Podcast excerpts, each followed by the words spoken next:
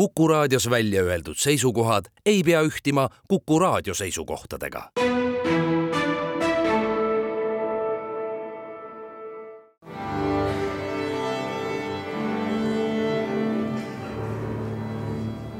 daamid ja härrad, Eesti Kontserdi saade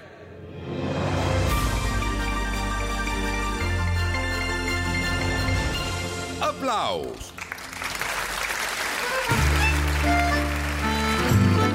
Saade on aplaus, mina olen Lauri Aav, tere kõigile nagu eelmises saates hoiatasin, on tänase aplausi eetrisse mineku ajaks Argentiina tangoansambel Fuego Sur koos külalislaulja Martin Troncosoga pooled oma plaanitud kontsertidest Eestis juba ära andnud. jäänud on ainult Vanemuise kontserdimaja täna õhtul ja Estonia kontserdisaal homme. aga sinna on ülimalt palju põhjust minna, sest kontsert on tore. Fuego Sur on Argentiina tangoansambel, mis moodustati eelmise, kahe tuhande kahekümne kolmanda aasta kevadel ja selle selle bändi algatajateks olid argentiinlastest pianist Juan Gabriel Romano ja kontrabassimängija Facundo Di Pietro, kes kutsusid kampa oma hea sõbra, toona Brüsselis elanud bandooniumimängija Kaspar Uljase, kes siis juba omakorda soovitas hollandlasest viiuldajat Radbund van Keldrit ja nüüd Eesti tuuril on nendega kaasas ka Argentiina laulja Martin Troncoso, kes muidu elab igapäevaselt Itaalias. selline ülimalt rahvusvaheline seltskond, kellel kõigil on suur kirg loomulikult klassikalise Argentiina tango nueva vastu ja nad käsitlevad seda muusikat läbi oma uute arranžeeringute pisut tänapäevasemalt, lisades sinna juurde kilde ja mõjutusi džässharmooniatest ja Ladina-Ameerika rütmidest. ja Fuego Sur ühendab publikut nii kontserdisaalides kui ka tangotantsuklubides. meil on nad siiski kontserdisaalides tuuril niimoodi, et tantsida ei saa, aga neil on tantsijad kaasas, see on ka väga oluline ja kontserdid on, mis järgi järgi jäänud äh, täna Vanemuise kontserdimajas õhtul kell seitse ja homme Estonia kontserdisaalis Argentiina tango Fuego Surja Martin Troncoso ja meie oma Kaspar Uljas Bandonia meil. samal ajal on Eesti Rahvusmeeskoor Pärnus ja Tallinnas oma uue kontserdikavaga Carlos Gesualdo loomingust. rääkisin sellest kontserdi dirigendi ja meeskoori kunstilise juhi Mikk Üleojaga natukene vähem kui kaks aastat tagasi tegid meeskooriga kontserdi, mille pealkiri oli Tenebre, kus sa panid kokku Gesualdo ja Pärt Uusbergi loomingu. kas see on nüüd selle eelmise korra kogemus, mis sind lahti ei lase või mis sind Gesualdo juurde tagasi tõi?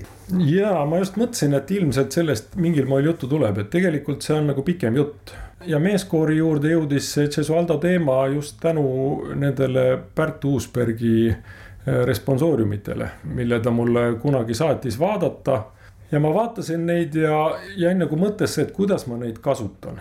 et ühtpidi ma hästi kõrgelt hindan alati, kui, kui helilooja ise midagi toob kandikul, see tähendab seda, et et need on valminud mitte kellegi tellimusel, vaid sellepärast, et tal on olnud vaja neid kirjutada iseenda pärast. ja minu dilemma oli see, et ma sain aru, et ma ei saa ainult neid esitada selles mõttes, et, et nad helikeeleliselt hakkavad üksteist matma ja siis mul korraga turgatas see et oi, see on ju suurepärane, suure, suurepärane nii-öelda helikeeleline kontrast, mis nende kahe helilooja vahele tekib ja, ja see tõepoolest töötas ka hästi, et ma olin nagu väga rahul selle mm, efektiga, mida Uusbergi ja Gesualdo muusika vaheldumisi äh, andsid. ja sealt omakorda jäi närima äh, kuhugile pimesoolikasse see tunne, et, äh, et kurjam Gesualdo madrigalid viies ja kuues viik, noh, see crème de la crème nii-öelda sellest, sellest ajastust noh, millele nagu kuidagi nagu ligi ei pääse, et noh, et ei, ei ole nagu eeti seda konteksti ja ei ole seda võimalust eh, selle materjaliga töötada. ja siis ühel hetkel hingasin sisse ja välja, otsustasin, et aga, aga kui prooviks ikkagi. ja nüüd on see hetk käes. Gesualdo elulugu on põnevam kui nii mõtmelgi teisel tuntud heliloojal, mille hulka kuuluvad armuafäärid, mõrvad ja, ja, ja, ja palju muud mõistatuslikku. kas, kas me peaksime kõike seda kuidagi teadma, et tema helikeelt mõista? no ütleme niimoodi, et sellest on kangesti moodne rääkida alati, kui, kui Cesualdost juttu tuleb. teiselt poolt ma jälle kuidagi tuletaks meelde seda, mida kunagi Siitan ütles, et see oli selline ajastu, kus sisuliselt ükski ülik ei surnud loomulikku surma. Gesualdo nimelt oli vürst, eks ju, et ta oli aadlik ehk eh, need aadlikud seal kõik kas lõid üksteist maha või, või mürgitasid või lasid üksteist tappa või kuidas iganes.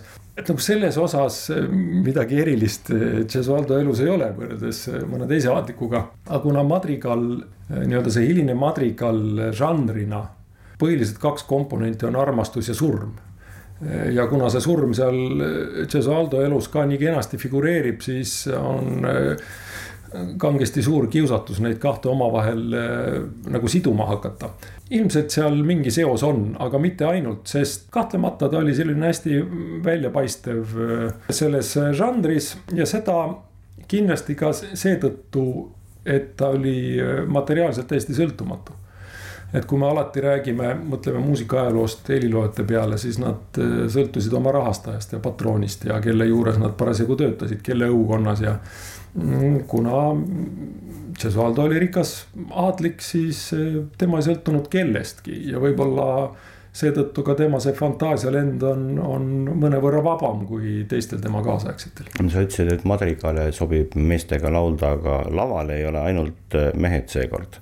laval on ka Zuga ühendatud tantsijad, räägi nüüd see ka lahti mm. -hmm. ja see mõte tekkis sellest, et, et kui nüüd tegelikult veel enne kui tantsu juurde tulla, korra minna nagu selle helikeele juurde, mis selle tantsu mõtteni viis.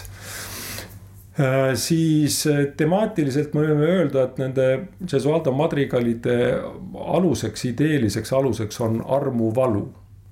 Äh, vastamata armastuse valu, millega siis kangesti kenasti annab seostada ka seda sõna surm aga see armuvalu ja see surm ja siis see julm daam, kes ei vasta armastusele ja seoses sellega ei lase kuidagi elada. Need sõnad on kõik selleks, et seda oleks võimalik selles harmoonias väga pingestatult väljendada.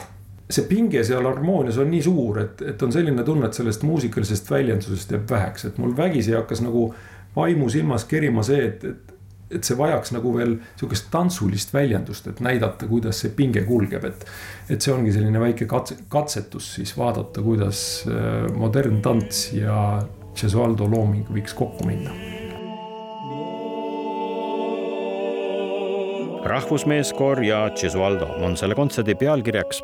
Eesti Rahvusmeeskoor on laval dirigent Mikk Üleoja ning Tiina Mölder, Helen Retsnik ja Aiar Ausmaa suuga ühendatud tantsijatest. homme Pärnu kontserdimajas ja laupäeval Estonia kontserdisaalis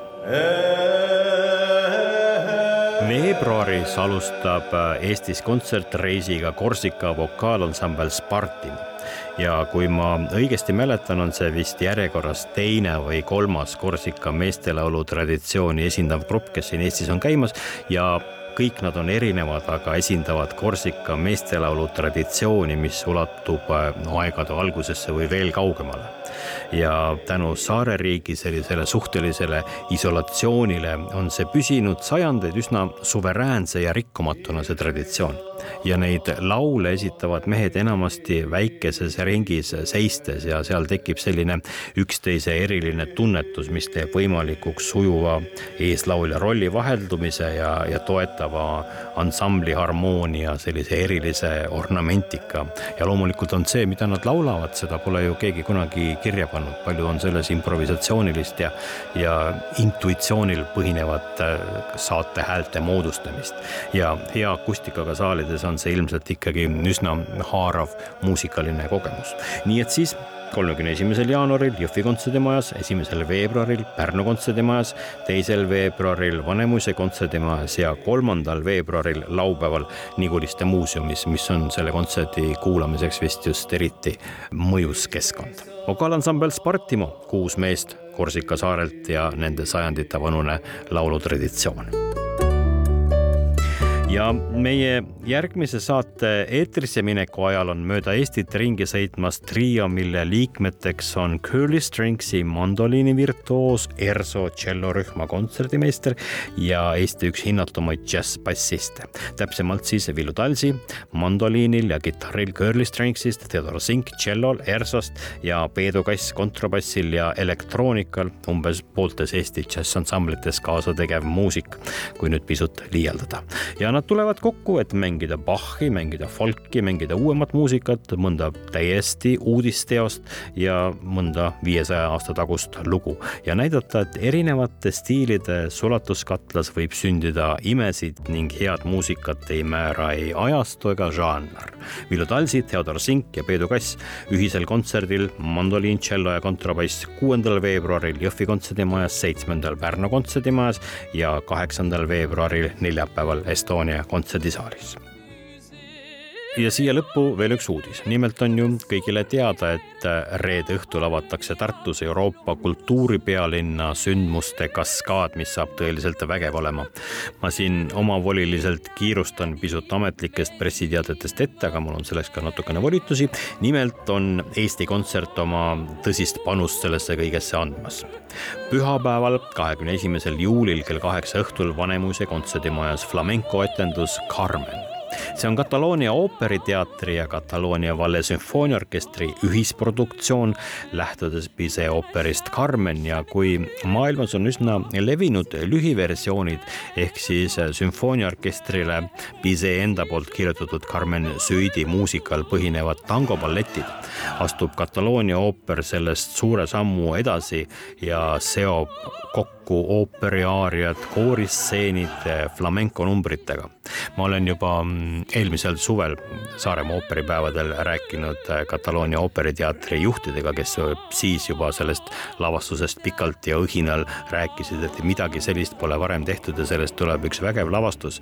laval on üle saja esineja, sümfooniaorkester, solistid, koor ja muidugi flamenco tantsutrupp ja see on selle uuslavastuse esietendus, nagu ma ütlesin, ja isegi Barcelonas pole proovid veel praegu alanud, nii et sinna juurde võib tulla veel kõiksugu üllatusi ja, ja kogu selle toreduse esietendus ongi planeeritud Tartusse kahekümne esimesel juulil ja sealt edasi suundub siis kogu Kataloonia ooperiteater juba Saaremaa ooperipäevadele, kus nad on tänavu suvised peakülalised ja Tartu esikapiletid tulevad müügile loodetavasti päev enne Tartu kahe tuhande kahekümne neljanda avapidustusi ehk siis juba homme ja neljapäeval. aga meie kohtume siin kahe nädala pärast ja soovin teile kõike paremat.